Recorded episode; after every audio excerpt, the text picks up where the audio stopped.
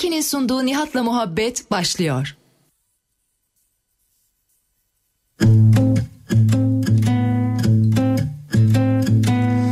Beni hep böyle hatırla. Ayrılık görmemişiz daha.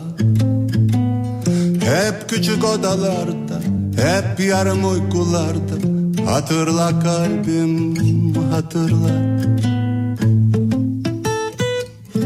Beni hep böyle hatırla.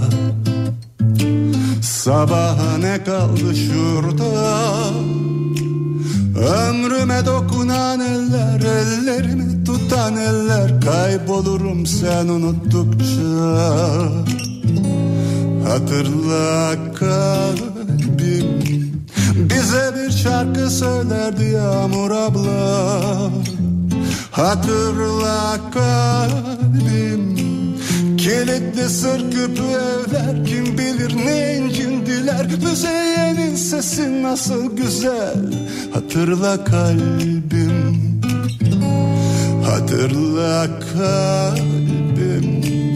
Büyük uykumuzda yaşayan şeyler. Hatırla kalbim bir daha olmayacak şeyler Yeniden olacak şeyler. İlk olmuş şeyler Denizler mahirler. Hatırla kalbim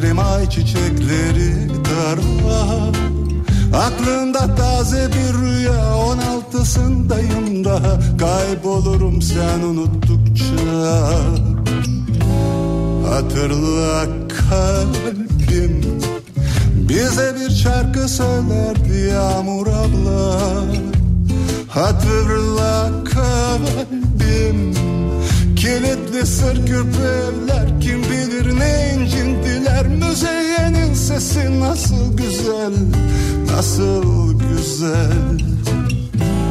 Hatırla kalbim Büyük uykumuzda yaşayan şeyler. Hatırla kalbim Bir daha olmayacak şeyler Yeniden olacak şeyler. İlk olmuş şeyler Denizler mahirler. Hatırla kalbim Hatırla kalbim Hatırla kalbim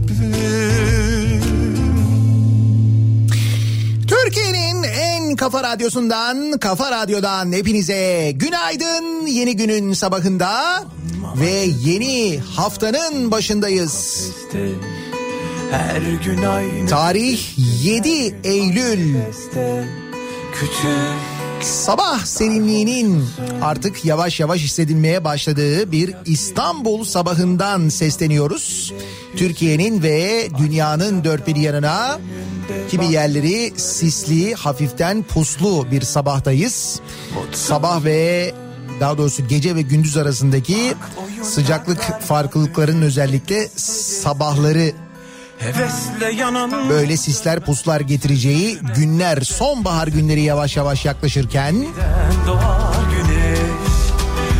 cebini de ne kaldıysa hatalarından 100 yılda bir yaşanacak 100 yılda bir yaşanan bir pandemi sürecinin göbeğinde olmaya devam ediyoruz. Keşke bir rüya, keşke bir kabus olsa da aslında öyle olmasa diye düşündüğümüz ama maalesef Cebini de ne kaldıysa. Dibine kadar gerçek günleri yaşamaya devam ediyoruz. kendi kendini kendi yerine. Korkarsan adım almaktan ya da tut ki derinlere dalmaktan. Sen korkma yeniden doğar güneş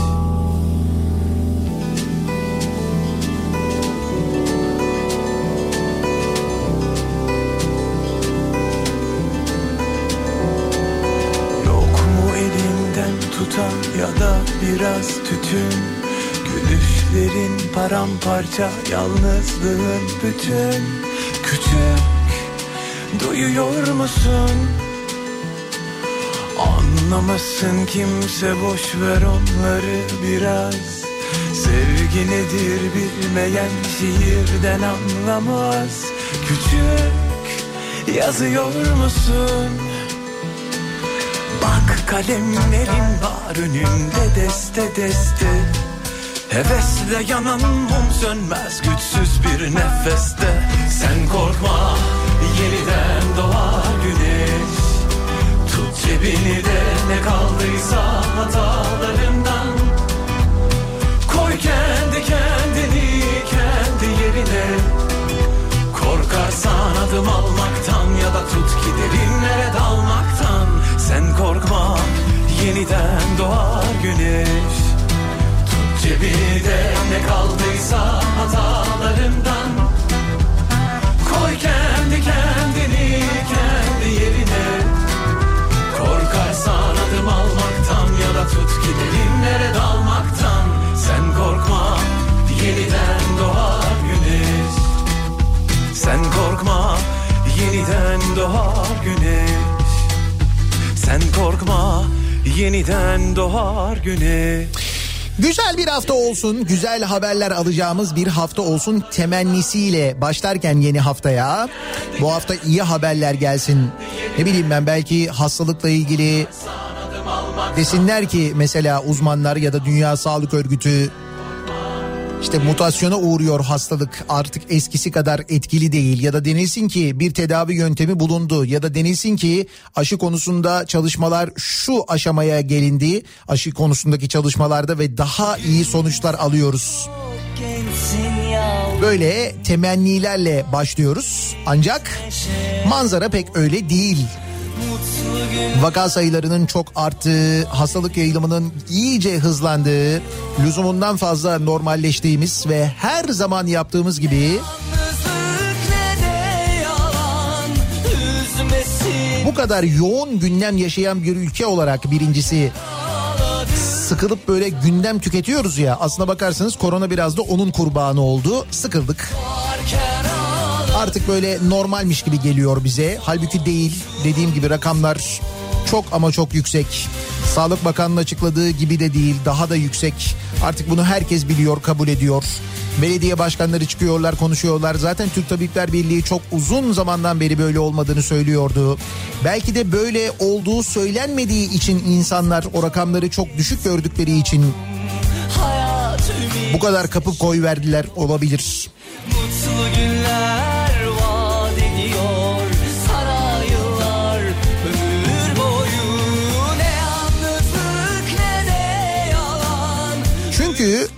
olmasa şöyle olaylarla karşılaşmayız. Bakın bunlar sadece bu hafta sonundan gelen e, haberler. Karantinada olması gereken kişi iddia bayisinde kupon yaparken yakalandı. Buyur yani.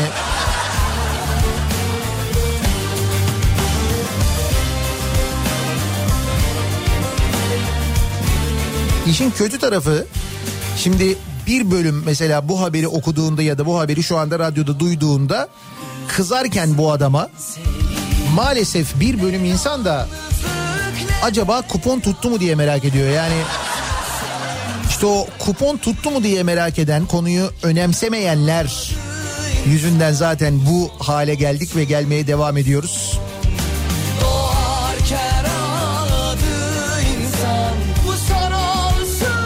Bu arada kupon tutmuş olsa bile onu söyleyeyim. Hani tutsa tutsa ne kadar tutmuş olabilir? son olsun 3180 lira ceza uygulanmış kendisine. Ya tuttuysa bile bu kadar tutmamıştır öyle söyleyeyim yani. Ha bu arada adliyeye sevk edilmiş 2 aydan 1 yıla kadar cezası var. Hem yargılanacak hem de 3180 lira para cezası uygulanmış. Bu karantinada olması gerekirken iddia bayisinde kupon yapan kişiye ki bunun iddia bayisinde kupon yapmakla ilgisi yok fark etmiyor. Bak mesela Muğla'da e, yine böyle denetimler yapılıyormuş. Datça ilçe emniyet müdürü İsmail Toygun bu denetlemelere katılıyor. O sırada e, maskesiz bir vatandaş ATM'den para çekiyor. Maske takmıyor.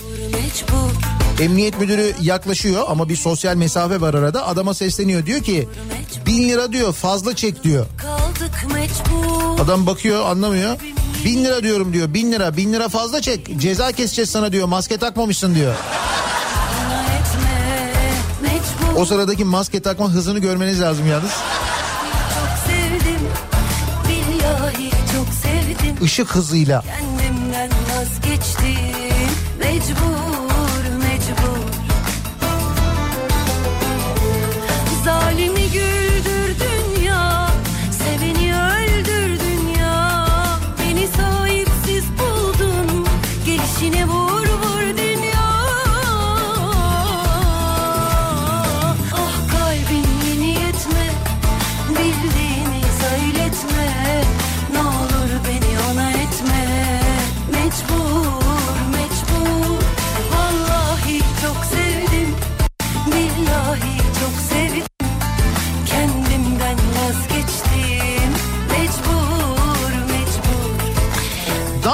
Fenası var mı? Var.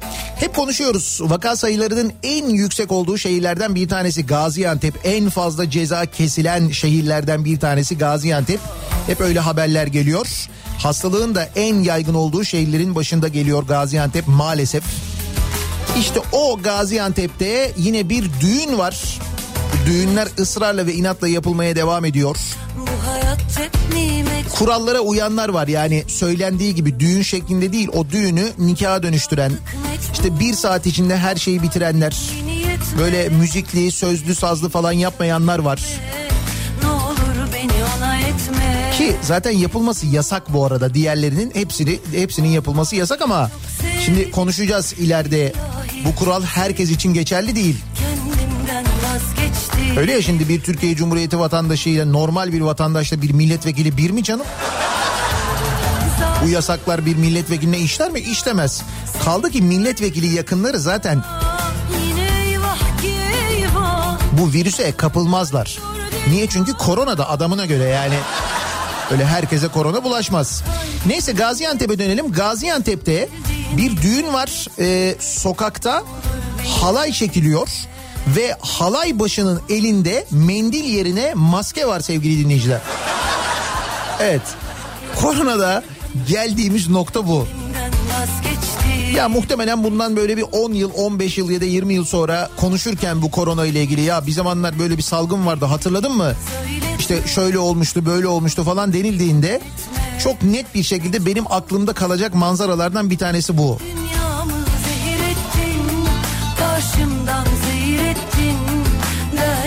Elinde maskeyle halay başı olan adam.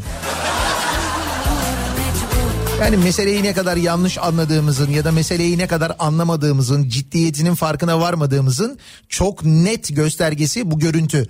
Kolay kolay unutmayız. Bir de bu hastalığı yaşayanlar ve onların yaşadıkları tecrübeler ibretlik aslında onları e, takip etmek lazım biraz da belki o zaman ciddiye alırız. Birkaç yalanla yıkılmaz aşk Alır mıyız ciddiye acaba?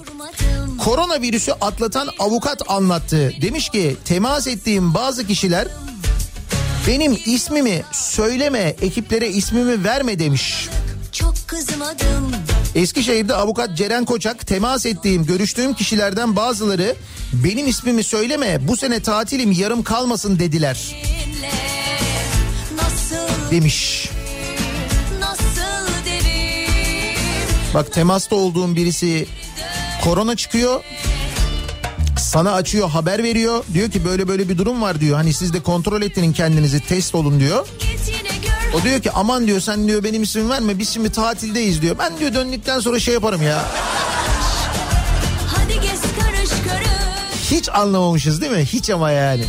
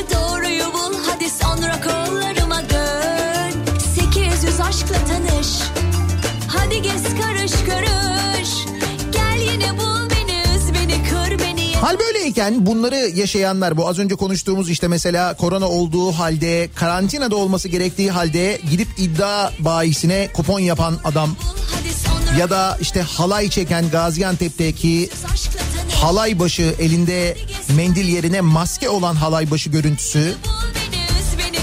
İşte mesela bu görüntüleri uygulayanlar, bu görüntüleri yapanlar daha doğrusu kendilerini televizyonda gördükleri için, haberleri konu oldukları için utanmışlar mıdır yoksa oğlum televizyona çıktık lan diye acaba mutlu olmuşlar mıdır?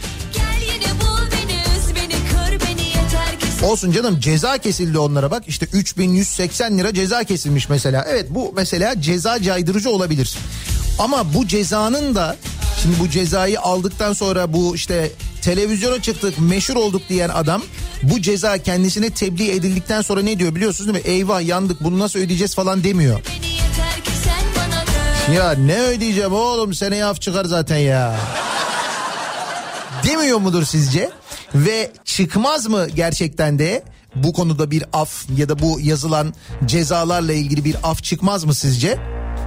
Çıkar değil mi? İşte bunu biliyor olmak çok acı zaten. Hafta sonu KPSS vardı. Bu ortamda KPSS yani vakalar bu kadar artmışken bu sınavın yapılması doğal olarak çok büyük eleştiri konusuydu. Kaldı ki üniversite sınavları yapıldı. O üniversite sınavları da aslında bugün geldiğimiz noktada olmamızın sebeplerinden bir tanesidir. Vaka sayısının bu kadar artmasının sebeplerinden biridir. O nedenle yapılmasın bu sınav ertelensin deniyordu. Online yapılsın deniyordu. Ama yapıldı. Uzlaşırsam namerdim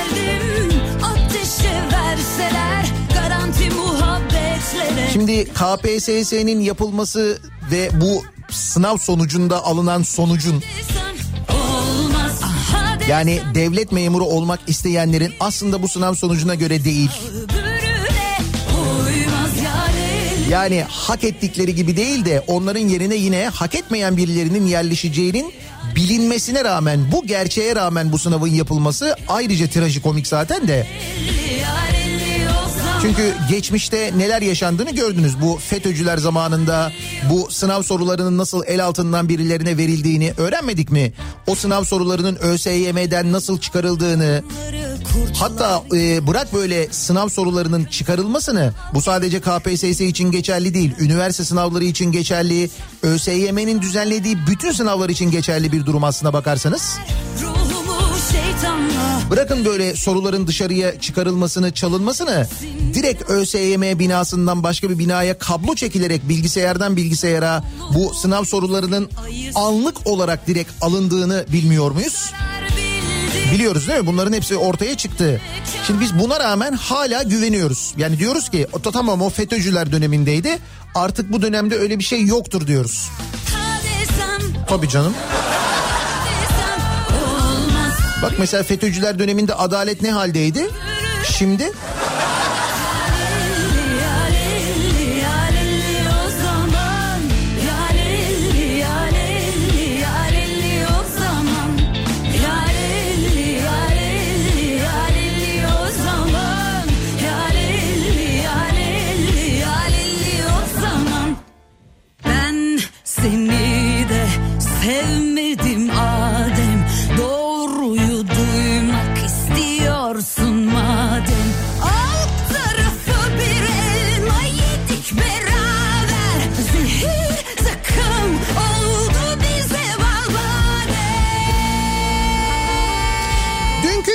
KPSS'ye dönelim. Koronalılar aynı okulda sınava girdi. Gözetmenlere haber verilmedi. Buyurun Ankara'da koronavirüsü pozitif olan vatandaşların Çankaya Muazzez Karaçay İlkokulu'nda KPSS'ye girdiği ancak ÖSYM'nin gözetmenlere bu durumu bildirmediği iddia edilmiş. Acil doktoru olan Zutku isimli sosyal medya kullanıcısı 50 yaşındaki annesinin durumdan habersiz şekilde bu okulda gözetmenlik yaptığını öne sürerek gözetmenlerin durumdan haberi yok. ÖSYM bunu bildirmemiş. Herkes bu kadar önlem alırken gözetmen öğretmenlere haber bile verilmeden pozitif hastalara 130 dakika gözetmenlik yaptırılıyor. Hem de sadece evden getirdiği maskeyle insan hayatı bu kadar mı değersiz diye sormuş. Hani geçtik sınavla ilgili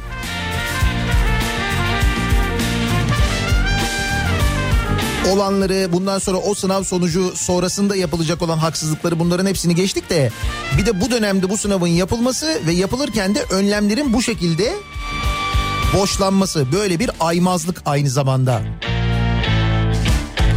Neyse geçmiş olsun diyelim dün e, KPSS'ye girenlere yani peşinen geçmiş olsun diyelim bundan sonra yaşayacakları ile ilgili de aynı zamanda e, dün yaşadıkları için de. Bu arada e, üniversitelerle ilgili tabii hafta sonu alınan karar önemli. Sağlık Bakanlığı YÖK'e Yüksek Öğretim Kurumu'na üniversitelerde uzaktan eğitim yapılsın tavsiyesinde bulundu. Dolayısıyla 3 aşağı 5 yukarı üniversitelerin bu dönemi yani güz dönemini ilk dönemi online geçireceği artık anlaşıldı diyebiliriz. Belli ki üniversiteye de gidilmeyecek. Yani okula gidilmeden e, üniversite eğitimi bu şekilde yapılacak. Yine uzaktan eğitime dönüyoruz. Tabi burada uzaktan eğitim şimdi hem e, ilk öğretimde ve orta öğretimde hem yüksek öğretimde de böyle olunca doğal olarak bir internet ihtiyacı başta ki biz o internet altyapısı konusunda maalesef çok gerideyiz. Yani zamanında yapmadığımız o altyapı işte kurumların, belediyelerin, onların bunların birbirlerini yiyerek yine aynı şekilde telekom şirketlerinin ve GSM şirketlerinin birbirlerini yiyerek bir türlü yapmadıkları herkesin birbirine çelme taktığı o nedenle gelişmeyen internet altyapısı bir kere en büyük sorun. Bunun yanında bir başka sorun da herkesin bu internete ve aynı zamanda o interneti kullanabileceği bir bilgisayara ulaşamaması problemi. Şimdi hal böyleyken yani Sağlık Bakanlığı böyle bir tavsiyede bulunmuş ve üniversiteye de uzaktan eğitime geçmişken aynı şey ilk ve orta e, öğretimde de geçerliyken devlet şöyle bir şey yapmamalı mı sizce? Bilgisayarlardan, tabletlerden e, alınan yani öğrencilerin e, internete ulaşabilecekleri ve eğitim alabilecekleri teknolojik cihazlardan alınan vergiler en azından bir sene mesela sıfıra indirilemez mi ya da bire indirilemez mi? ÖTV tamamen kaldırılamaz mı? KDV yüzde bire indirilemez mi? Fiyatlar birazcık düşsün diye çünkü e, dövize endeksli Evet bilgisayar fiyatlarının dolarla ilgisi var çok enteresan. Nasıl oluyor ben de anlamıyorum ama. Orada da dolarla işimiz var yani. Zaten döviz yüzünden çok yükseldi bilgisayar fiyatları. Böyle bir vergi indirimiyle en azından devlet alacağından vazgeçerek öğrencilerin e, bundan faydalanması sağlanamaz mı acaba? Bunu mutlaka düşünüyorlardır canım. Devlet büyüklerimiz değil mi?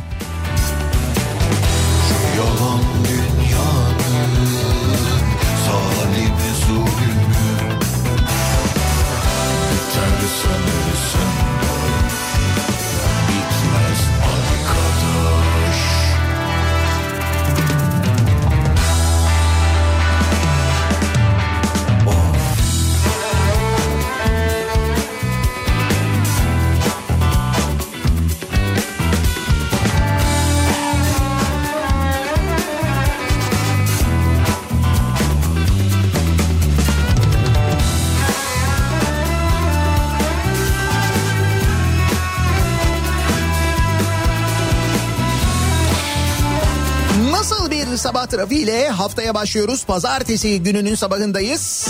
Tarih 7 Eylül geçtiğimiz haftadan belliydi aslına bakarsanız. Artık hayatın özellikle trafiğin normale döndüğünü çok net bir şekilde hissediyoruz. Tipik bir pazartesi sabahı yoğunluğuyla başlıyoruz. Hemen dönelim detaylara bir bakalım. Kafa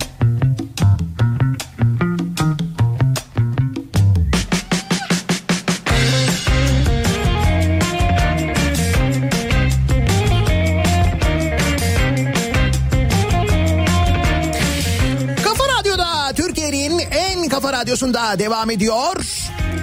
Daiki'nin sunduğu Nihat'la muhabbet. Ben Nihat Sırdar'la. Pazartesi gününün sabahındayız. Tarih 7 Eylül. Korona haberleriyle başladık. Korona konusundaki vurdum duymazlık hala bütün hızıyla devam ederken vaka sayısındaki artış da devam ediyor. Şimdi döneceğiz yeniden korona haberlerine ama hemen dönelim e, dolandırıcılar, hırsızlar, torpilliler, canikolar. Hayatımızın değişmez renkleri. Onlara şöyle bir bakalım neler olmuş hafta sonu memlekette. Tunus ve Cezayirli gelin vaadiyle dolandırmışlar mesela bir grup dolandırıcı. Tunus ve Cezayirli gelin. Dönem dönem değişiyor bu gelinlerin milliyeti. Bir dönem mesela işte Bulgaristan'dan gelin vardı, Romanya'dan gelin vardı, Rusya'dan gelin vardı. Sonra Suriye'den gelin oldu. Şimdi Tunus ve Cezayir'e mi dönük? Niye? Çanakkale Çan'da ikisi kadın 9 kişilik çete ilçeye bağlı köylerde yaşayan vatandaşları haraca bağladı. Köylerde yaşayanları haraca mı bağladılar? Nasıl ya?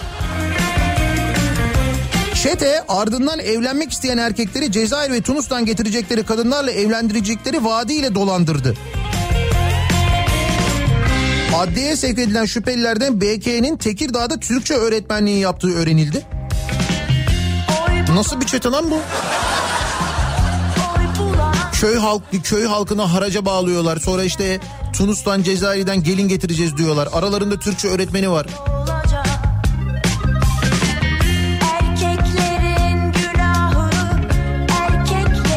Hayır bu kadar kolay kandırılabilir miyiz diye sorasım geliyor önce de sonra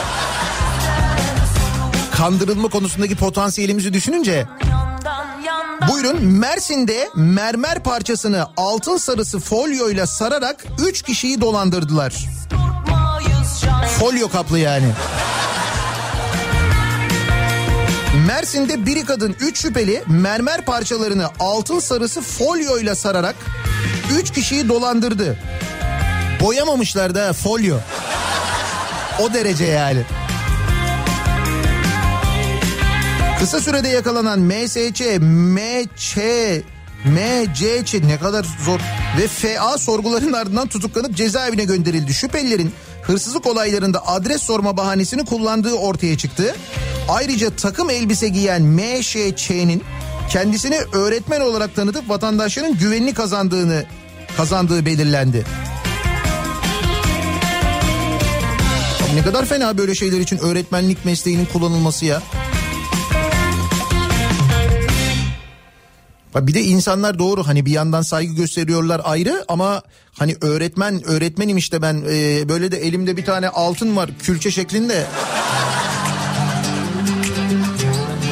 Bunu da yiyoruz biz.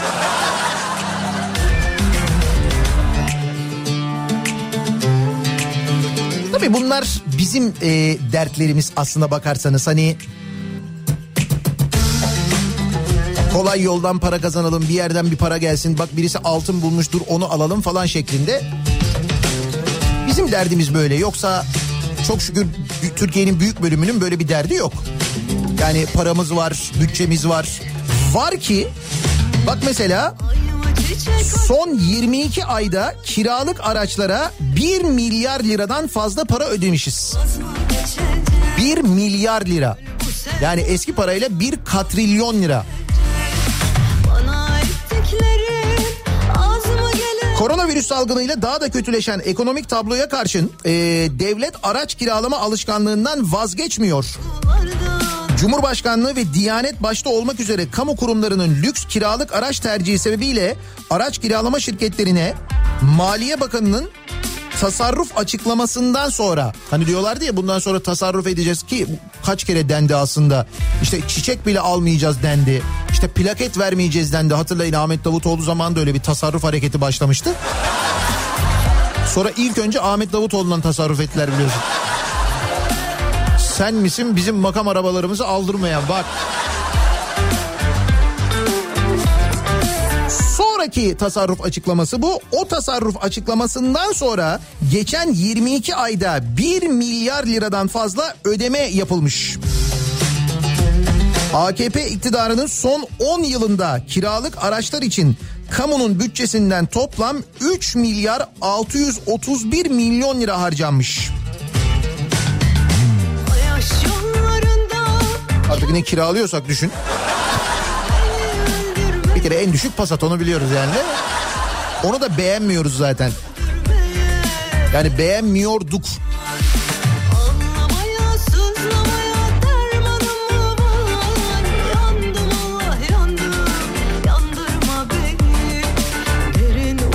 Bir şey değil biz böyle paraları araba kiralamaya falan harcarken böyle tabii kiraladığımız arabalar malum çok böyle lüks arabalar acayip arabalar. Onlara böyle paralar harcarken bir taraftan nasıl oluyor da sürekli böyle yardım kampanyaları düzenleyip paralar topluyoruz. İşte en son biz bize yeteriz dedik mesela öyle bir para topladık hem de sağlam bir para toplandı. Ne oldu o para? Yani nereye harcandı hala öğrenemedik değil mi biz onun kime harcandığını, kime verildiğini, hangi kuruma gönderildiğini, ne olduğunu. Bilen var mı aranızda? Yok değil mi bu konuyla ilgili resmi bir açıklama? Hala bilemiyoruz.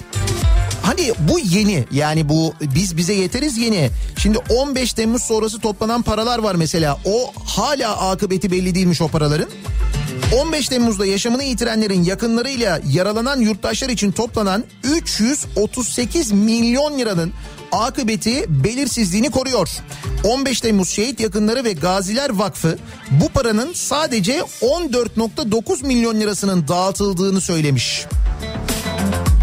Ki bu da o paranın bu kadar geçen vakitteki faizinin yarısı bile etmiyor. Yani o para eğer bir bankaya konulduysa o paradan faiz alınıyorsa o faizin yarısı etmiyor neredeyse geçen süreye baktığınız zaman.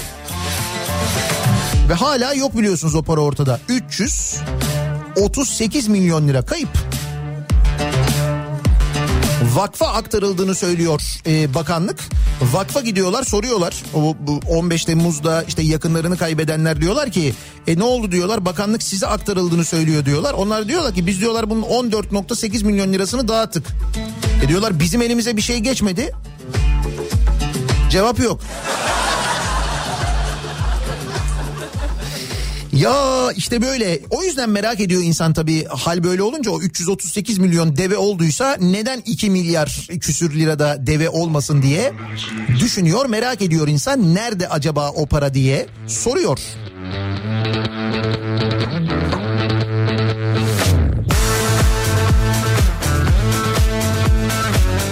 Sülale Belediyesi Ne kadar normal geliyor değil mi? Sülale Belediyesi, Sülale Üniversitesi falan böyle şeyleri duyduğumuz vakit artık. Yalnız hemen KPSS'nin sonrasında bu haberler daha da acı. Daha dün sınava giren hani bir umut acaba belki sınavdan iyi puan alırsam bir yere yerleşir miyim diyenler açıyorlar bu haberleri görüyorlar. Horasan Belediyesi Abdülkadir Aydın AKP'li belediye başkanı akrabalarını belediyeye doldurmuş. Başkanın kardeşi Sabri Aydın personel müdürü. Başkanın yeğeni Hayrettin Aydın özel kalem müdürü. Başkanın amcaoğlu Fahrettin Aydın mezarlık müdürü.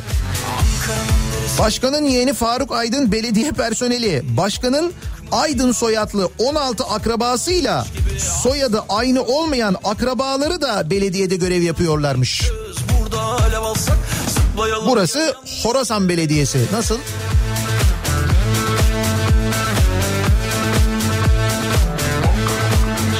Burası da Konya Necmettin Erbakan Üniversitesi.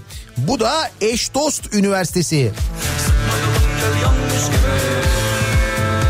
Konya Necmettin Erbakan Üniversitesi'ndeki yükselme sınavında düşük puan alan torpilli isimlere mülakatta yüksek puan verildi. Hepsi terfi etti.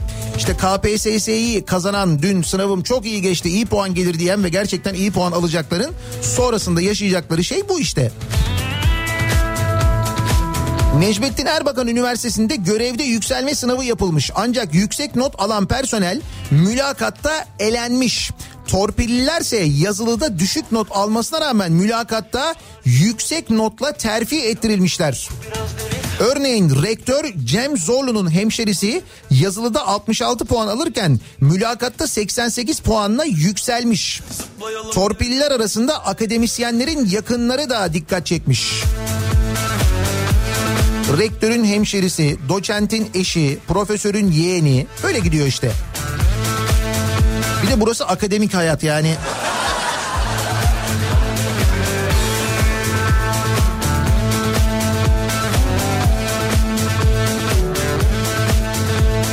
Bak bu da güzel mesela. Dekandan kızını tarif eden iş ilanı. Harran Eğitim Fakültesi Dekanı Burhan Akpınar öğretim görevlisi ilanı açmış. Mobbing konusunda çalışma yapmak şartı koymuş. İlan sonuçları açıklanmış. Dekan Akpınar'ın mobbing çalışmaları bulunan kızı Esra Nur Akpınar listenin en başında yer almış. Tesadüfe bak. İyi tesadüf yani. Şimdi böyle olunca yani bu haberler e, çıkınca ki bunlar gerçek işte Türkiye'de son yıllarda artık normal karşılanan aslında normal olmayan durumlar. Sonra merak ediyoruz bu araştırmalarda nasıl oluyor da gençler bu kadar mutsuz çıkıyor diye. Nasıl çıksınlar? Nasıl oluyor da işte Türkiye'de 18 yaş altı gençlerin %72'si yurt dışında yaşama hayali kuruyor. Sonucu çıkınca araştırmadan mesela nasıl oluyor falan diye soruyorsunuz. Böyle oluyor işte. Siz çalıyorsunuz gençlerin umutlarını. Yaptığınız şey bu aslında. Sonra niye şaşırıyorsunuz? Üniversite mezunu olanlar bir de bir üniversiteyi bitirebilenler. 15 yılda mutluların oranı 14 puan düşerek %52.7'ye gerilemiş. Üniversite mezunu mutsuzların oranı son 15 yılda %14 artmış. Neden acaba? Bundan olabilir mi? Bir kere izin verdin beni üzmene Göz yumamam boş boş sözlere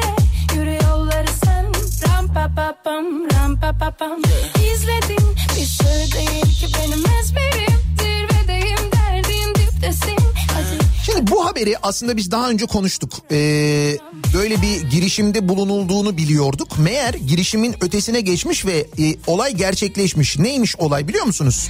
Şimdi tam da bu dönemde oluyor aslında. Bu dönemde olması da enteresan. Pandemi döneminde böyle bir hastalık var ve bu hastalıkla mücadele etmek gerekiyor diye paldır küldür Atatürk Havalimanı pistleri kırıldı biliyorsunuz. O iki pisti bugün yapmaya kalksanız milyar liralar harcamanız lazım. Üstelik İstanbul gibi bir kentten bahsediyoruz. Deprem riski olan Allah korusun öyle bir acil durumda bu tür hava yardımına ihtiyacı olan ve şehrin göbeğinde böylesine pistlere en çok ihtiyacı olan şehirden bahsediyoruz. Biz ona rağmen paldır küldür kırdık o pistleri. Hastane yapabilecekken oradaki binaları yapmadık. Onları öyle atıl bıraktık gittik pistlerin üzerine hastane inşa ettik. Ve biz bunları yaparken biliyor muyduk acaba bir pandemi hastanemiz var ve öyle atıl bir şekilde duruyor. Heybeli Adadaki Türkiye'nin ilk pandemi hastanesi. İşte o hastane ve arazisi Diyanete verilmiş sevgili dinleyiciler. O nedenle o hastaneyi yapmamışlar pandemi hastanesi. Gidip orada bir tane hastane yapana kadar şurası hazır. Sadece içinde yapacağınız bir temizlik ve içine yerleştireceğiniz ki tam teşekküllü bir hastaneden bahsediyoruz. Her şey var içinde. Biz burayı kullanacağımıza burayı Diyanete vermişiz. Ya neden? Ha neden neden yani neden?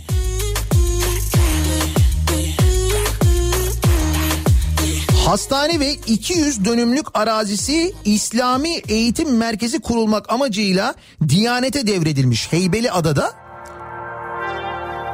Koskocaman bir hastane binası ki bu hastanenin tarihi değeri de var aslına bakarsanız. Atatürk'ün emriyle kurulmuş zamanında. Kimler kimler tedavi olmuş burada zamanında işte verem tedavisi uygulanmış. Veremin çok yaygın olduğu, tüberkülozun çok yaygın olduğu zamanda o tedavilerin uygulandığı Heybeliada Senatoryumu diye geçerdi burası. İşte orası böyle atıl dururken Diyanete veriyoruz. Diyanete niye? İslam Eğitim Merkezi kuracaklarmış burada. Öpme öpme dudağımdan Kalan ağlar giden gülsünde Şimdi çok şey geliyor insanın içinden söylemek de.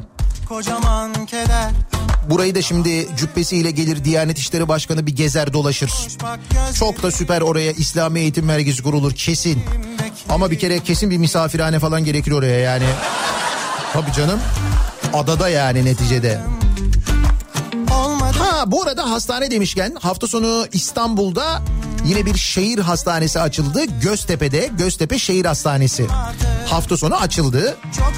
Astım Bu şehir hastanesinin açılışı öncesinde İstanbul Göztepe'deki şehir hastanesi açılışı öncesinde e, Cumhurbaşkanı Başdanışmanı ve Spor Bakan Yardımcısı Bakın adamın e, görevleri bu. Cumhurbaşkanı Başdanışmanı, Spor Bakan Yardımcısı, eski milli güreşçi ki sonradan milletvekili oluyor. Milletvekili olduğu dönemde de yasa teklifi vererek eski milli güreşçilere işte böyle maaş bağlanmasını, ödeme yapılmasını falan sağlıyor. Hamza Yerlikaya'dan bahsediyorum. Sonra hatırlarsanız Vakıfbank'ın yönetim kurulu üyesi de olmuştu. İşte bu Hamza Yerlikaya yani hem baş danışman hem spor bakan yardımcısı, milli güreşçi, Vakıfbank yönetim kurulu üyesi yeter tweet atıyor. İstanbul'da açılan hastane için diyor ki İzmirli hemşerilerimize dev hizmet Göztepe Şehir Hastanesi yazıyor. Ya evet İzmir Göztepe ile karıştırıyor İstanbul'da açılan Göztepe Şehir Hastanesi'ni. Ve bu arkadaş bu kadar çok görev yapıyor işte. Nasıl güzel değil mi? Şimdi spor bakan yardımcısı işte sporun halini görüyoruz. Kendime sardım E, milletvekili kendisi daha doğrusu eski milletvekili kendisi Bir de Vakıfbank e, yönetim kurulu üyesi. Bundan sonra başarıdan başarıya koşar banka artık. Yani başladığım yerde kaldım Aynaya baktım Kendime saygım yok Bir resmini yaktım Bitmedi resmin çok Gül dedim artık Çok surat astım Şimdi yeniden pandemiye dönelim. Pandemiyle ilgili malum e, hastalığın bu kadar yayılması ile ilgili işte çıkıyor Sağlık Bakanı konuşuyor, uzmanlar konuşuyorlar, devlet yetkilileri büyükleri konuşuyorlar.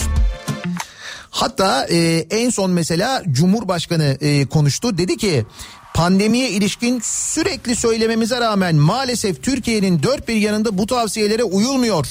Düğünlerde dikkat ediyoruz. Maalesef uyulmuyor. Mesafe diyoruz, uyulmuyor. Maske diyoruz, uyulmuyor ifadelerini kullanmış. Cumhurbaşkanı bunu söylemiş. Aynen bunları söylemiş. Tabii hemen önce aklımıza Giresun'daki o çay dağıtma merasimi geliyor da. Ben size başka bir şey söyleyeyim. Şimdi burada diyor ya Cumhurbaşkanı düğün diyor. Düğünlerde dikkat diyoruz maalesef uyulmuyor diyor. Ne yapıldı bu hafta başında? Haftanın içinde geride bıraktığımız hafta içinde düğünler biliyorsunuz bir saate indirildi. Bütün Türkiye'de düğünler bir saate indirildi. Denildi ki müzik olmayacak, eğlence olmayacak, yemek olmayacak. Bir saatte nikah kıyılacak. İşte takı töreni yapılırsa yapılacak. Tebrikler kabul edilecek, dağılınacak. Benim mesela yakınlarım vardı böyle düğün yapanların. Birçoğu bu hale getirdiler, yaptılar. İşte o sırada Cumhurbaşkanı da bunu söylerken şimdi bunu tabii herkes için söylemiyor Cumhurbaşkanı. Öyle söylüyorsa bile bu böyle algılanmıyor. Niye biliyor musunuz? AKP Kocaeli Milletvekili Cemil Yaman'ın oğlu Hüseyin Yaman için 1500 kişilik düğün yapılmış.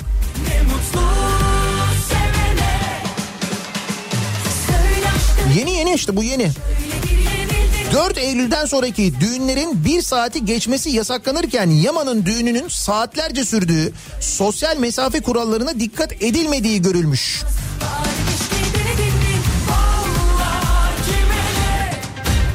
Yaman Dilovası'nda yer alan Karayolları Genel Müdürlüğü tesislerinde. Tabii canım bir de o var. E hatırla geçen hafta Mersin İl Sağlık Müdürü'nün 112'nin bahçesinde yaptırdığı e, yemeği hatırla. Şimdi o öyle yaptırırsa milletvekili geri kalır mı? Milletvekili de Karayolları Genel Müdürlüğü tesislerinde oğlu için 1500 kişilik dev düğün organizasyonu düzenlemiş. Düğün organizasyonu için belediye personeli seferber edilmiş. Düğünden saatler önce bölgeye giden belediye temizlik işçileri sokakları süpürmüş, kaldırım kenarları boyanmış, yollar yıkanmış. İzmit Körfezi ve Osman Gazi Köprüsü manzaralı özel düğün alanında 1500 kişilik davetli listesi için masa ve sandalye hazırlığı yapılmış. Genç çiftin nikahını Kocaeli Büyükşehir Belediye Başkanı Tahir Büyükakın kıymış. O da dememiş ya bu kalabalık ne oluyor mesafe falan hiç öyle bir şey denmemiş. Saat 19'da başlayan düğün töreni saatlerce sürmüş. Düğünde yasak olmasına rağmen yemek servisi yapılmış. Kavurma, tavuk ve aşure servisleri yapılmış. Nasıl iyi değil mi? O kadar uyarıyoruz uyarıyoruz ama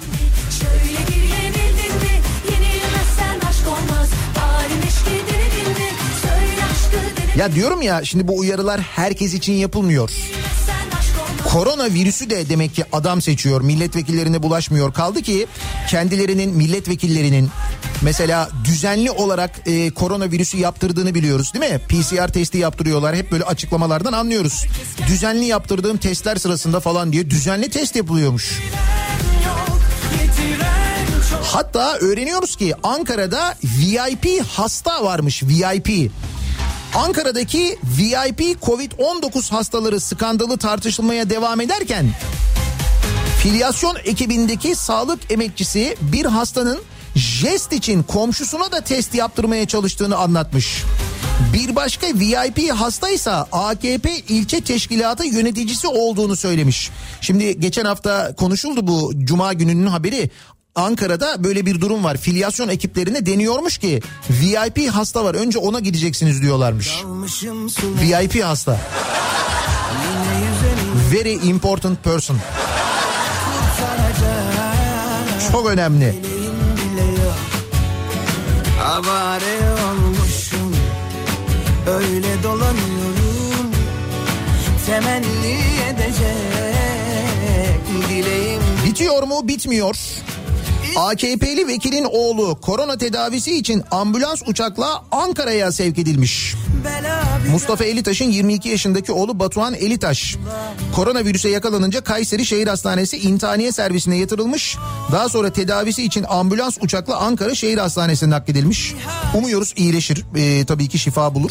sayende şansım Ay ben etrafımda insanların e, böyle koronavirüse yakalanan üstelik çok ağır hasta olan insanların bile evine ambulans gönderilmediğini, siz kendiniz gelin dendiğini, hastaneye yatırılmadığını biliyorum da umuyorum e, bu hassasiyet herkese gösterilir.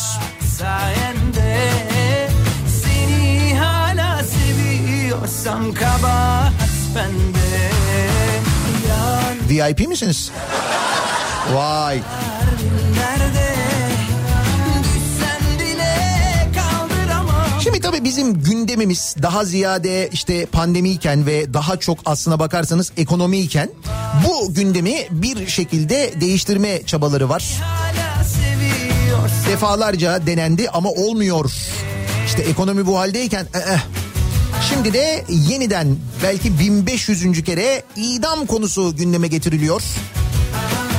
Sağ olsun Devlet Bahçeli su taşımaya devam ediyor. Şimdi bu idam tartışmaları ile ilgili bir açıklama var da o açıklamanın üzerine aslında konuşalım ve sizin konuyla ilgili soracağım soruyla ilgili yanıtınızı merak ediyorum aslında. AKP Grup Başkan Vekili Cahit Özkan ki bu baro tartışmaları sırasında o da bir gündem değiştirme çabasıydı aslında. O baro tartışmaları sırasında çıkıp böyle hararetli konuşmalar yapan eskinin Fethullahçısı kendisi çok iyi biliyoruz. O Ergenekon davaları zamanı biliyoruz neler yaptığını hatırlıyoruz onları. Arşiv diye bir şey var çünkü. Neyse Cahit Özkan diyor ki vatandaşlarımız idam cezası istiyorsa biz de mecliste gereğini yapmak zorundayız diyor. Yani vatandaş diyor bir şey istiyorsa diyor biz diyor onun diyor gereğini mecliste yapmak zorundayız diyor. Böyle bir sistem mi var ya? Böyle vatandaş isteyince gereği yapılıyor muymuş? İlginç biz hiç çalıştığını görmedik de. Ama madem böyle bir söz var böyle bir açıklama var değil mi? Seni hala seviyorsam bende Vatandaş ne istiyorsa bizim onun diyor gereğini yapmamız lazım diyor. Vatandaş ceza idam cezası istiyorsa biz diyor onu diyor mecliste çıkarmalıyız diyor. Mecliste gereğini yerine getirmeliyiz diyor. Peki bu dönemde sizin vatandaş olarak isteğiniz bu mudur acaba? kal yerlerde Ben tükendim bak sayende Seni hala seviyorsam kabahat bende. Yan yan sende. Sar bin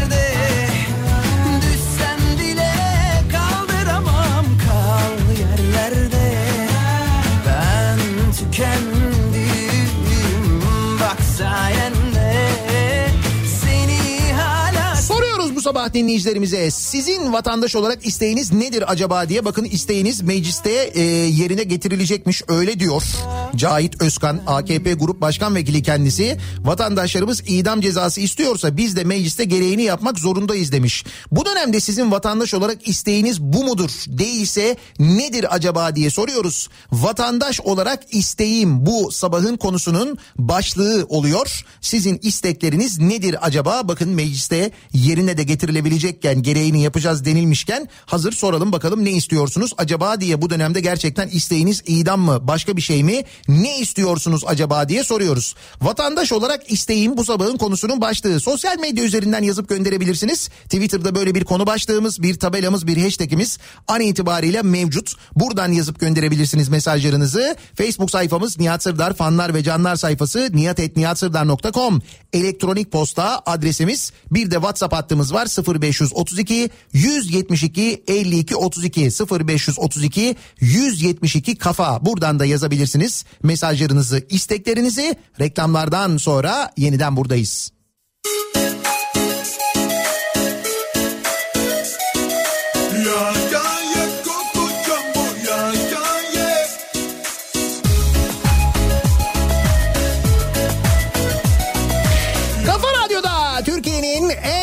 radyosunda devam ediyor. Daiki'nin sunduğu Nihat'la muhabbet. Ben Nihat Sırdar'la. 7 Eylül pazartesi gününün sabahındayız. 8'i 4 dakika geçiyor saat. Vatandaş olarak isteğim bu sabahın konusunun başlığı. Şimdi AKP'li Cahit Özkan demiş ki vatandaş demiş idam cezası istiyorsa biz de mecliste gereğini yapmak zorundayız demiş. Yani vatandaşın isteğini mecliste diyor gereğini yapmak zorundayız diyor. O zaman sizin bir isteğiniz var mı diye biz de soruyoruz. Ya biz ne isteyeceğiz ya zaten durumumuz kokocambo diyen bir dinleyicimiz var. O nedenle bu bölümü bu şarkıyla başladık. Durumumuz gerçekten kokocambo yani. Vatandaş olarak isteğim bu sabahın konusunun başlığı.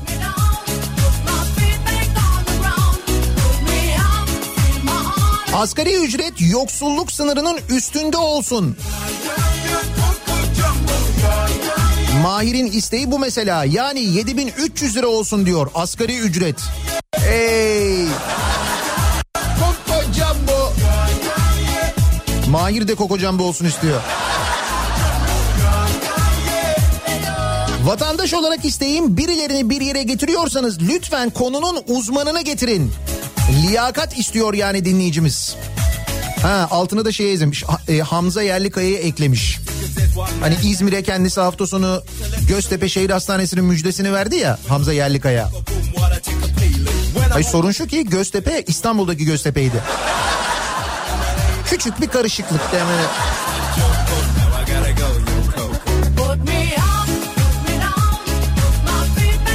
Nihat'cığım VIP vatandaşlar istiyordur. Normal vatandaş olarak yaşamak istiyoruz sadece diyor İbrahim. VIP Ankara'da öyle VIP hasta varmış. Onlara filyasyon ekipleri gidiyormuş diyorlarmış ki VIP var oraya gidin diyorlarmış. Very important patient. bir dinleyicimiz yazmış doğru. Very important patient persons değil canım.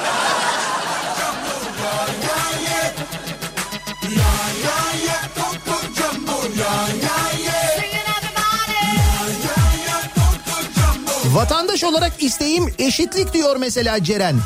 Mesela benim 65 yaş üstü amcam imza atacağı zaman aynı gün hastaneden ve noterden aklı başındadır yazısı almak zorunda.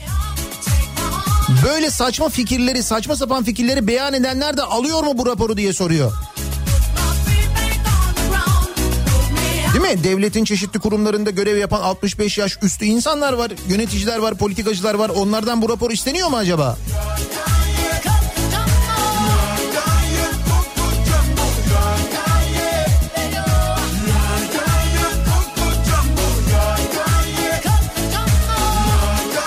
Vatandaş olarak isteğim akıl izan. Şimdi bakın e, programın başında konuştuk da bir dinleyicimiz bizzat Antalya'dan yaşayan bir dinleyicimiz göndermiş. E, dün KPSS vardı. KPSS'de görev yapanlar da bu sınavda görev yapanlar Bazı okullarda e, sadece Covid pozitif hastaların e, hasta adayların sınava girdiğini binaya gittiklerinde öğrenmişler diye bir haber vardı. Ankara'dan bir haber vardı ya. Bunu bizzat yazan yaşayan dinleyicimiz göndermiş diyor ki Dün yapılan KPSS'de Antalya Kepez ilçesi Gülveren Anadolu Lisesi'nde iki oturumda, oturumda da görevliydim. Bizler sınavlarda görev almak için ÖSYM'nin GİS e, isimli internet sitesinden başvuruda bulunuyoruz. Sınav günü okula gittiğimde toplantı saatinde bize okuldaki adayların pozitif veya Covid temaslı adaylar olduğu söylendi. Buradaki sıkıntı ÖSYM'nin ne internet sitesinde ne de uygulamasında adını verdiğim okulda böyle bir sıkıntı olduğu belirtildi. Bizler bunu sınavdan bir saat önce toplantıda öğrendik. ÖSYM tam anlamıyla köylü kurnazlığı yaptı. Tabii ki bununla da bitmedi. Böylesine sıkıntılı bir okul için diğer okullardaki kadar maske ve eldiven vardı. Sınıflarda dezenfektan yerine minicik bir ıslak mendil vermeyi uygun görmüşler. Lütfetmişler iade şartlı siperlik verdiler. Bizden sonra kim nasıl kullanacak o da bir soru işareti. Ayrıca bizler böylesine sınıflarda görev aldıktan sonra bize ne bir test ne de karantina uygulanıyor. Şu anda evde ne yapacağımı bilemeden çift kat maskeyle yaşıyorum. Pandemi hastanesi zaten dolu. Gitsem kaç saat sıra beklerim bilemiyorum. Tamam Antalya halkı olarak turizm getirisi için gözden çıkarıldık. Ama ÖSYM'nin bu yaptığında gerçek yaptığı gerçekten ayrı ayıptı diyor. Nasıl ÖSYM? Söylemiyor sınav gözetmenlerine, öğretmenlere bu okul öyle bir okul diye. İyi değil mi? Ve aldığı önlem de bu yani.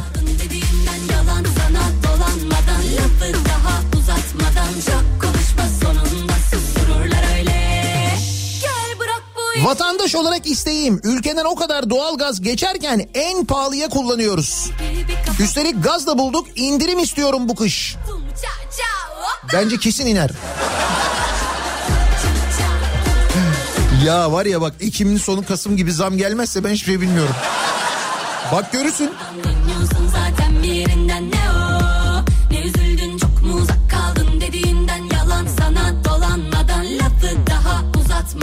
Çok konuşma sonunda sustururlar öyle Vatandaş olarak isteğim nedir acaba isteğimiz? Tebüyle hep yatayım istiyorum.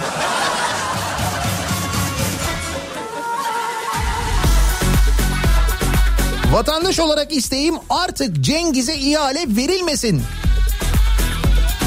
Demek ki bu işleri yapabilecek sadece böyle dört şirket var. Onun haricinde kimse yapamıyor demek ki Türkiye'de. Hayır yapıp yapamadığını da öğrenemiyoruz ki. Çünkü ihale yapılmıyor. Yani ihaleler davet usulüyle yapılıyor. Diyor ki sen gel sen gel sen gel sen gel. Sen sen dedikleri hep aynı zaten. Beş kişi var sürekli o beş kişiyi çağırıyorlar. Onlardan birine veriyorlar. Onu da sırayla veriyorlar zaten.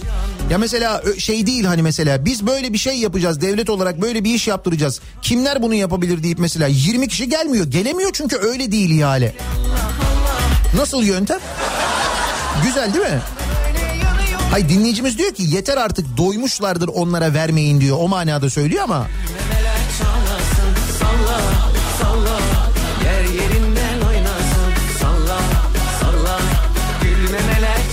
valla benim kafam pırıl pırıl. Yeniden IBAN versinler temiz. Doyamadım ben diyor bir dinleyicimiz. Hiç öyle bir isteğim olmadığı gibi. Ben IBAN istiyorum diyor. IBAN versinler diyor.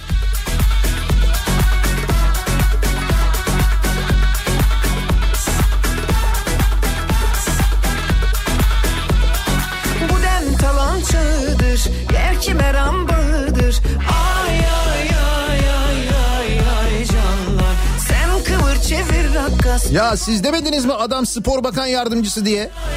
Hamza Yerlikaya hiç mi diyorsunuz? Evet. Hayır İstanbul'da Göztepe var ama Göztepe spor yok. Adam spor bakanı yardımcısı ne yapsın?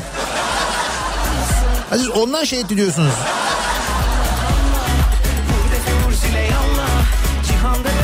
Hayır İstanbul'da Göztepe olduğunu bilmeyebilirsin de. Ki onu bilmemek de acayip. Hadi de ki bilmiyorsun. Yani açılış yapılıyor, oraya gidiliyor, ediliyor falan. Hani insan biraz bir merak eder ya.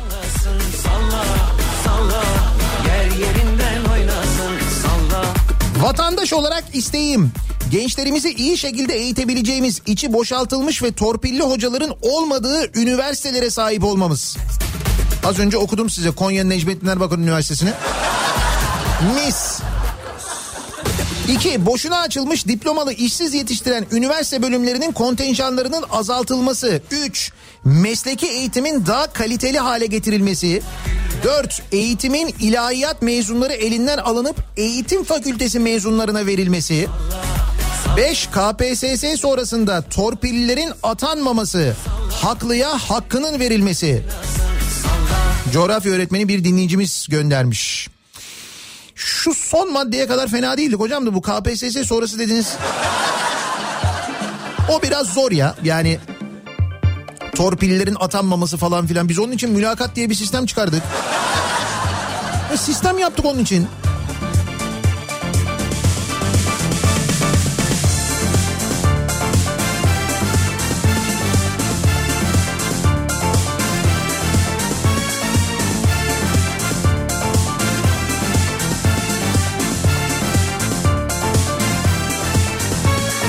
Vatandaş olarak isteğim adalet, liyakat, eğitim, sağlık, eşitlik. Zaten bunlar düzelirse ekonomi de hızlı olmasa da yoluna girer.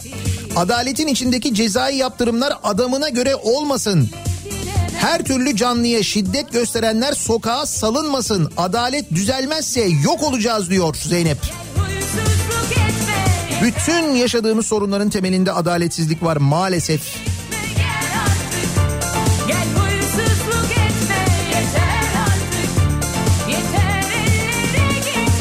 Hay bakıyorum binlerce vatandaş isteği geliyor. E hiç idam yok. Hani vatandaş bunu istiyordu, herkes bunu bekliyordu falan. Vatandaş olarak isteğim küçük küçük ÖTV indirimleriyle mutlu edilmek istiyorum. Hay bir şey değil ÖTV indirimi oluyor da fiyata yansımıyor bu sefer.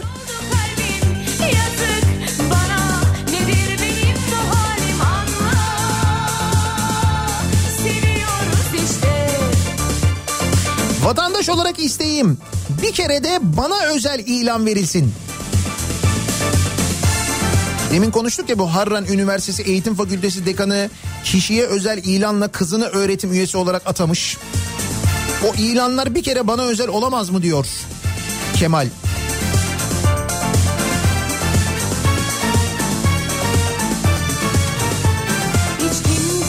Vatandaş olarak isteğim ÖTV'siz bir hayat diyor Hüseyin.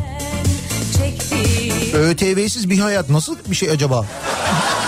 Öyle olabiliyor mu ya? Biz ÖTV'siz yaşayabiliyor muyuz? Yapabiliyor muyuz onu? Mesela düşünsene otomobil alıyorsun. Sadece KDV ödüyorsun. ÖTV ödemiyorsun. Olmaz öyle şey ya. Araba çalışmaz.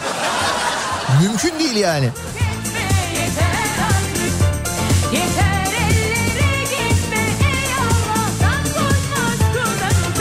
Şu takvimin haberini gönderiyor dinleyicilerimiz de Türkiye'nin yeni ÖTV hamlesi Almanya'da endiş endişeye yol açmış. Otomobil üreticileri ağır darbe almış. Bir yerli otomobil hamlesinden sonra bir de bunu yaptık. Almanya panik. Bir panik bir panik. Onun için değil mi biz mesela Volkswagen gelsin burada fabrika açsın diye 40 takla atıyorduk. Ama şimdi otomotiv e, endüstrisine Almanya'nın darbe vurduk? Aferin bize.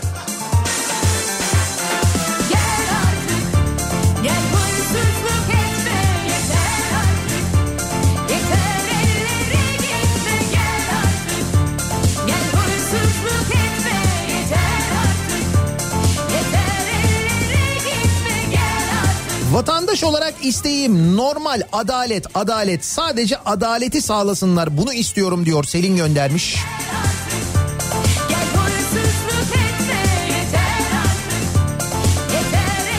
Vatandaş olarak isteğim ÖTV, KDV, gümrük vergisi vesaire madem vergiler de dolar üzerinden artık maaşı oldu olacak dolar üzerinden alsak diyorum. Yani her şey dolar olduğuna göre neden o zaman biz de dolara geçmiyoruz? ÖTV'yi kur vurdu diye bir haber var da ee, bakalım.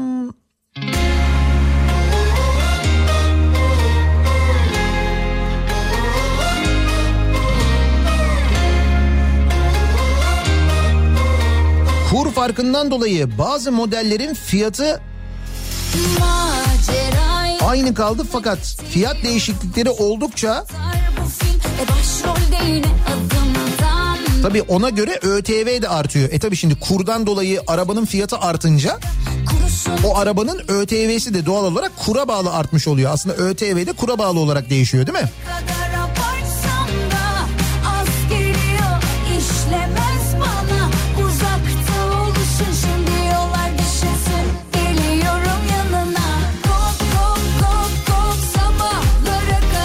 Vatandaş olarak isteğim emeklilikte yaşa takılanlar kıdem e, kıdem tazminatı staj konularına baksınlar. İşsizlik, enflasyon, ekonominin düzelmesini istiyorum. Özel sektörde 35 yaştan sonra iş bulmak sıkıntı. Kamu 35 yaş son. Bu insanlar emekçiler nerede çalışacak? Bak görüyor musun? İnsanların vatandaş olarak istekleri başka. Şöyle idam değil. İnsan gibi yaşayacak maaş alarak insan gibi yaşamak istiyorum diyor Özge. Vatandaş olarak isteğim o kadar yeni mezun üniversiteli işsiz varken kendi karısını, çoluğunu, çocuğunu, akrabasını getirip haksız kazanç sağlamasınlar bazıları. Hak yemesinler istiyorum diyor Nuran.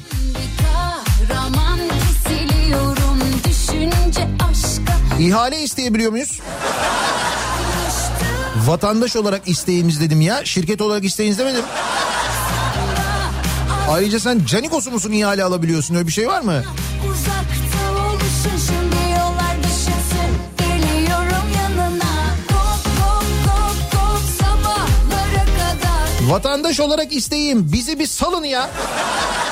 Bir salın bizi yani.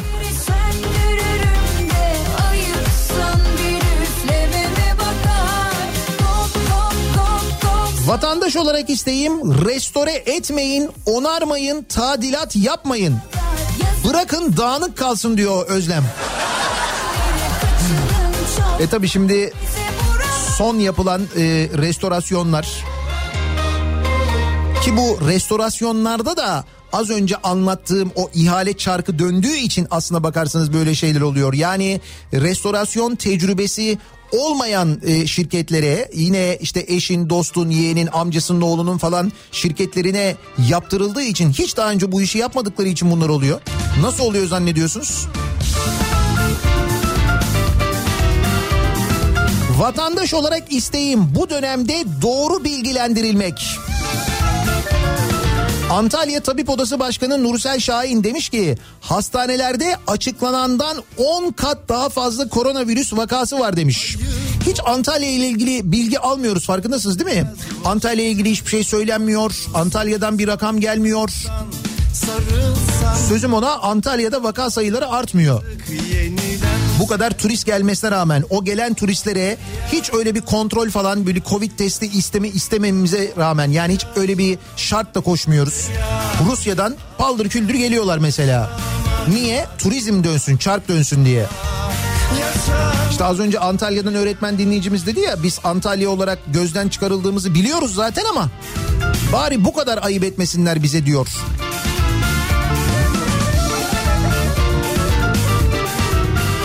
Vatandaş olarak isteğim ekmek ekmek işimiz gücümüz yok bir idam kaldı. Öyle diyor vatandaş diyor bunu istiyor diyor. kalırsın yalnız başına Korkma ölmezsin şimdi Yok artık vaktin Vatandaş olarak isteğim mülakatlar artık bitsin. Son günlerde çevremizde duyduğumuz onlarca listeye ilk sıralarda girip kazanamayanlar var ki günahtır yemeyin insanların hakkını diyor. İşte şimdi KPSS'ye girenler yüksek puan alanlar onlar zannediyorlar ki o puanı alınca iş bitecek. Öyle değil işte. Onun da önlemini almışlar. Şimdi soruyu veremiyorsak ya da soruyu verdik ama bizimki iyice salak çıktı. Çok puan alamadı. Dur biz onu şöyle bir mülakatta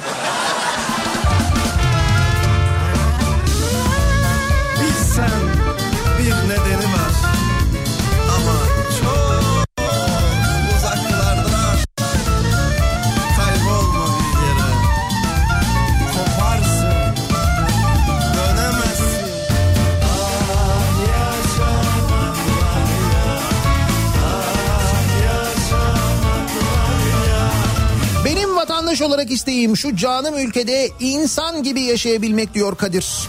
Herkes aynı şeyi söylüyor aslında. İnsan gibi yaşamak istiyoruz diyor insanlar. Hep bu istek başı etrafında toplanıyor.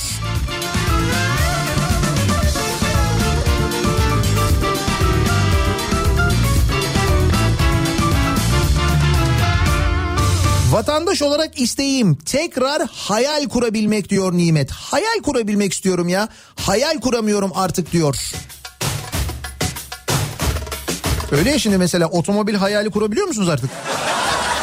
Mesela geçen haftadan sonra. Gitti değil mi? O da gitti yani.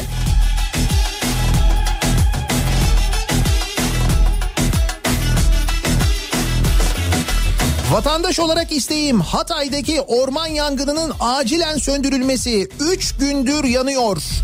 Ciğerlerimiz yanıyor diyor. 3 gündür devam ediyor biliyorsunuz değil mi Hatay'daki yangın? Ama Hatay ya uzak tabii. O yüzden mesela İstanbul'da e, örneğin Maltepe'deki yangın kadar haber olamıyor Hatay'daki orman yangını. Maalesef öyle. rastladım ama utançtan yüzüme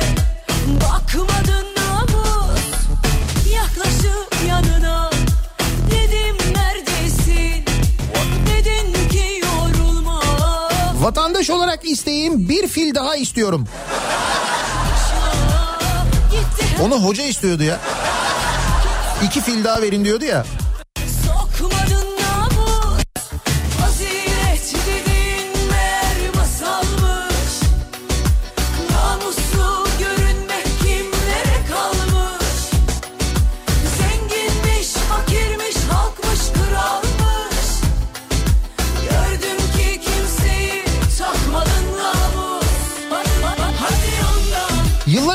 Gardiyanlık için Üsküdar Adliyesi'nde sınava girdim. Sınavı geçtik. Mülakata gireceğiz. İki ağır ceza hakimi bir tane de hakim vardı mülakatta. Oradaki ağır ceza hakimi şimdi emekli kendisi bana net olarak şunu söylemişti. Her türlü şartlara uyuyorsun ama tanıdığın yok bu iş olmayacak umutlanma demişti bana diyor. Güzel işte şimdi artık onu sistemli hale getirdik. Mülakatta sistemle yapıyoruz biz onu yani. Mülakatlarda da şey olmuyor haksızlık olmuyor.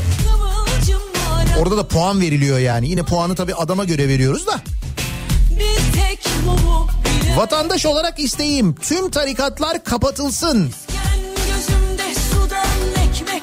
Kapatılmadığı müddetçe, denetlenmediği müddetçe işte böyle bin türlü bela getirmeye devam edecekler başımıza. Adamlar darbe girişiminde bulundu. Daha ne olacak ya? Al işte. Başlarındakiler sapık.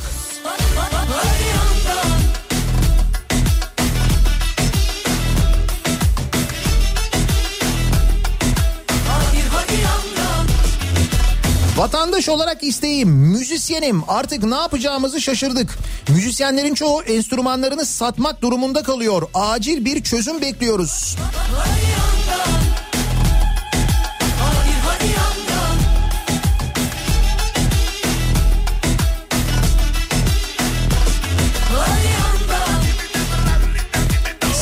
Vatandaş olarak isteğiniz nedir acaba bu dönemde? Siz idam mı istiyorsunuz? Vatandaş e, vatandaşlarımız idam cezası istiyorsa biz de mecliste gereğini yapmak zorundayız demiş AKP'li Cahit Özkan da. Bu dönemde sizin vatandaş olarak isteğiniz bu mu diye merak ettim ben de soruyorum. Değilse nedir acaba diye soruyoruz. Vatandaş olarak isteğim bu sabahın konusu. Reklamlardan sonra yeniden buradayız. Uyanır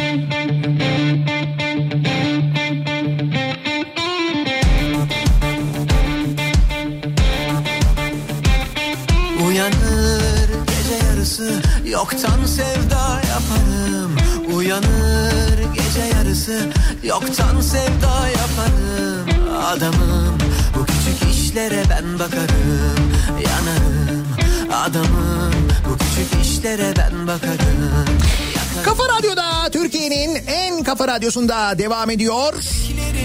Daiki'nin sonunda Nihat'la muhabbet. Ben Nihat Sırdar'la 7 Eylül pazartesi gününün sabahındayız. 8.30'u geçtik. küçük adımı Vatandaş olarak nedir isteğiniz acaba diye soruyoruz. Bunu şunun için soruyoruz. Vatandaşın isteği idam diyorlar. Şimdi de bir idam konusu geldi. Bu da bir gündem değiştirme çabası aslında malum. yanarım Defalarca ısıtılan temcit pilav, pilavlarından bir tanesi. Ama diyorlar ki vatandaş istiyor. O zaman meclise gündeme getirip bunu geçiririz diyorlar. Demek ki vatandaşın isteği mecliste gündeme getirilip gerçekleştirilebiliyor. O yüzden soruyoruz sizin vatandaş olarak isteğiniz nedir diye. Kayırmacılık, adam kayırmaca, torpil sona ersin, eşitlik olsun vatandaş olarak isteğim diyor bir dinleyicimiz. Şimdi düğünler geçtiğimiz hafta itibariyle biliyorsunuz e, büyük bölümü düğünlerin düğün organizasyonlarının yasaklandı. Artık yemekli düğün olamıyor. Düğünler bir saatten fazla olamıyor. Bunlar niçin yapılıyor? İşte sağlık için yapılıyor. Hastalık yayılmasın diye yapılıyor. Hal böyleyken hafta sonu AKP milletvekili bir düğün yapıyor ki 1500 kişi katılıyor 1500 karayollarının e, misafirhanesinin bahçesinde yapılıyor bu arada. Ve bu e, düğünle ilgili saatler sürüyor bu arada düğün. Baya bir sahne kurulmuş falan böyle hani oynayanlar mı oynayan onlar hepsi var zaten de Diyor ki milletvekili pişman değilim diyor. Oğlumu evlendirdim. Gelene gelme diyemem. Ben ağrılıyım. Yapmasan bir yemek yedirmeden yolladı derler.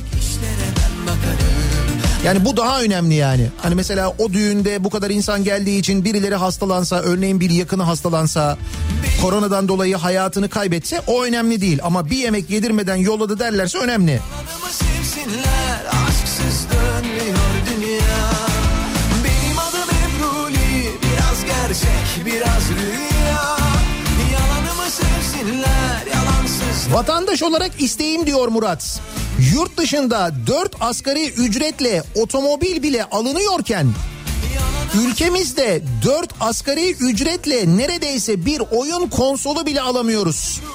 ÖTV, KDV ne kadar vergi varsa kaldırılsın istiyoruz. Sony PlayStation 5 oyun konsolu 8 bin liraymış. Bu yenisi 8 bin lira olduğu için bizim asgari ücrette hesapladığın zaman 4 asgari ücrette alıyorsun Murat ya. Gerçi sonra 4 ay bir şey yiyemiyorsun ama olsun.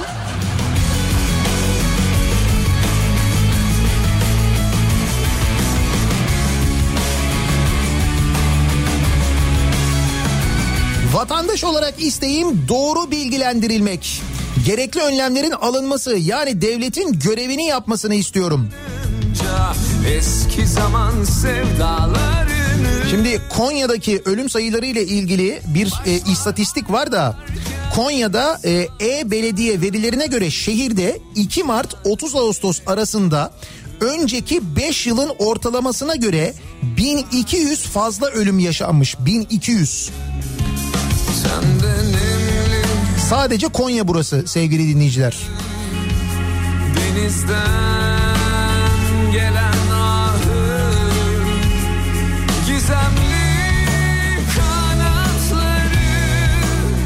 Benim vatandaş olarak isteğim parlamenter demokrasi. Meclis artı Cumhuriyet Senatosu.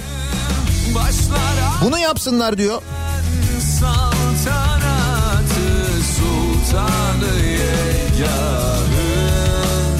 Benim vatandaş olarak isteğim idam değil diyor Erkan. Gündem değiştirmeden eğirip e, kıvrılmadan halkın sorunlarını ekonomi, adalet, işsizlik, liyakat, hırsızlık bunların çözümlenmesini is- istiyorum diyor.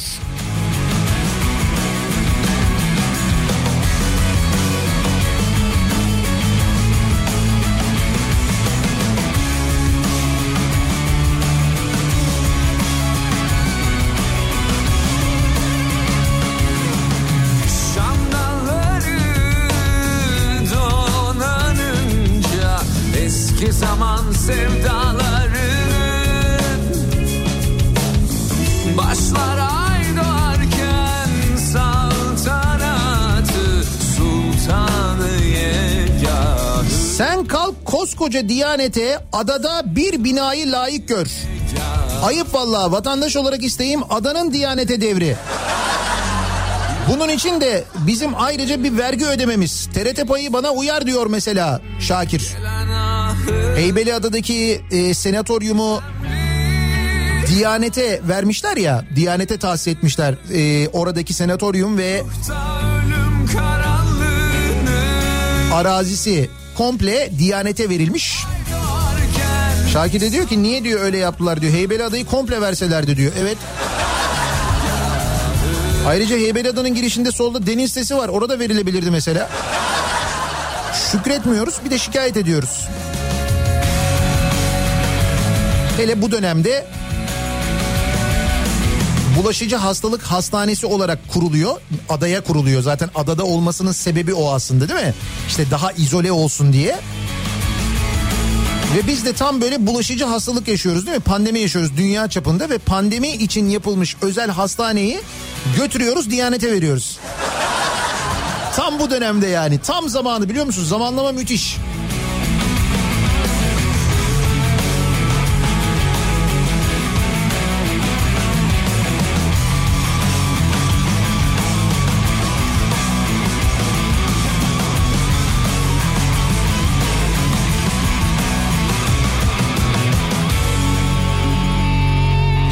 Vatandaş olarak isteğim sadece yakamızdan düşsünler istiyorum. Başka bir şey istemiyorum demiş. Demek ki bu dinleyicimizin yakasına sarılanlar var. Şimdilik vergi tahsilatı öyle değil ama... Ama mesela öğrencilerin değil mi... Ee, zamanında aldıkları öğrencilerin kredileri bununla ilgili ödemedikleri için e, haciz kararı alınmış ya. O aslında bir nevi yakaya yapışmak oluyor yani. uyandım Sen sandım ellere uzandım Sana değil kendime kızardım ben Sen giderken aramadım ama elim gitti telefona Benim vatandaş olarak isteğim ATV payı ödemek. Neticede kamu kanalı değil mi TRT gibi? Aslında kaç gün oldu? Sayırım kaç gece doldu? Sayırım her gün aynı dön Dön istersen Sayırım kaç gün oldu? Sayırım kaç benim vatandaş olarak bir şey istemem haddime mi diye soran var. Dön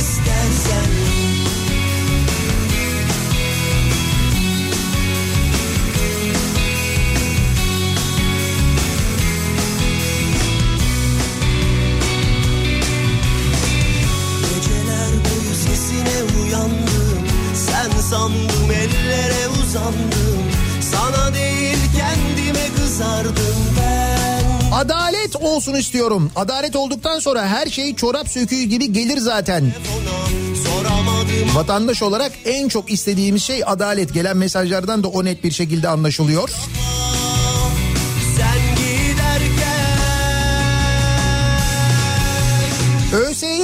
görevli kim varsa KPSS'ye girmesini istiyorum. Belli bir puanın altında kalanın görevine son verilmesini istiyorum. Liyakat istiyorum. İnsanların emeklerinin çalınmamasını istiyorum diyor Ankara'dan Serkan. kaç alırlar acaba ÖSYM yöneticileri bu sınavlara girdiklerinde? Sayırım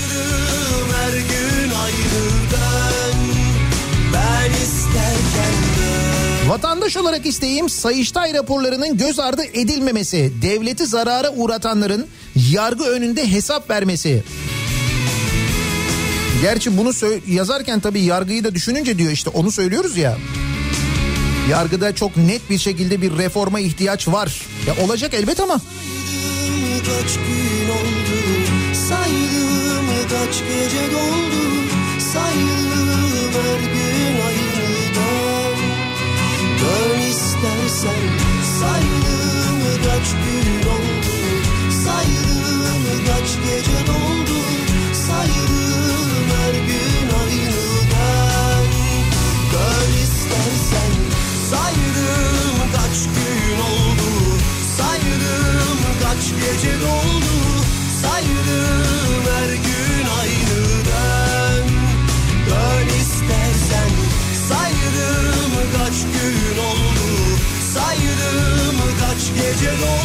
12 yaşındayım 12. Bir çocuk olarak milletvekillerinden ekonominin düzeltilmesini istiyorum. Bir vatandaş olarak isteğim bu diyor. Bakınız 12 yaşında bir vatandaş gönderiyor. 12 yaşında çocuk memleketin sorununun ekonomi olduğunun farkında. Ekonominin düzeltilmesini istiyorum diyor. Saydım kaç gece doldu Sizin vatandaş olarak isteğiniz ne? İdam mı istiyorsunuz? Bu mu vatandaş olarak isteğimiz? Bizim memleketimizin en büyük problemi bu mu yani? İşte nedir acaba isteğiniz diye soruyoruz. Reklamlardan sonra yeniden buradayız.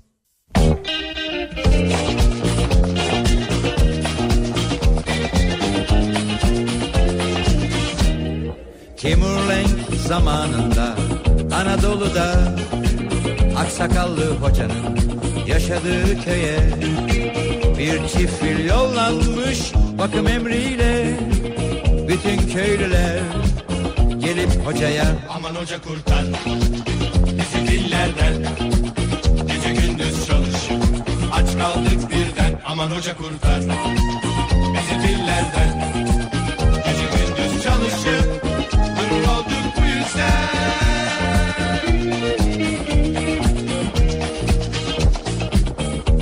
dedi gelin heyet kuralım. Haydi sözcü benim siz ardımdan gelin. Hünkar anlar fakir köyün halinden Geri alır filleri kurtuluruz dertten. Aman hoca kurtar bizi dillerden. Gece gündüz çalış aç kaldık birden. Aman hoca kurtar bizi dillerden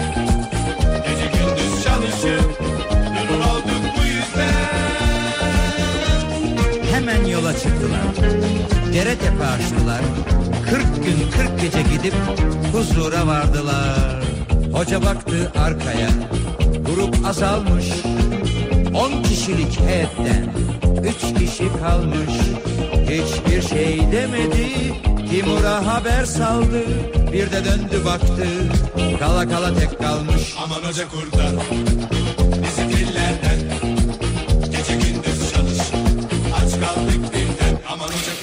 Radyo'da Türkiye'nin en kafa radyosunda devam ediyor.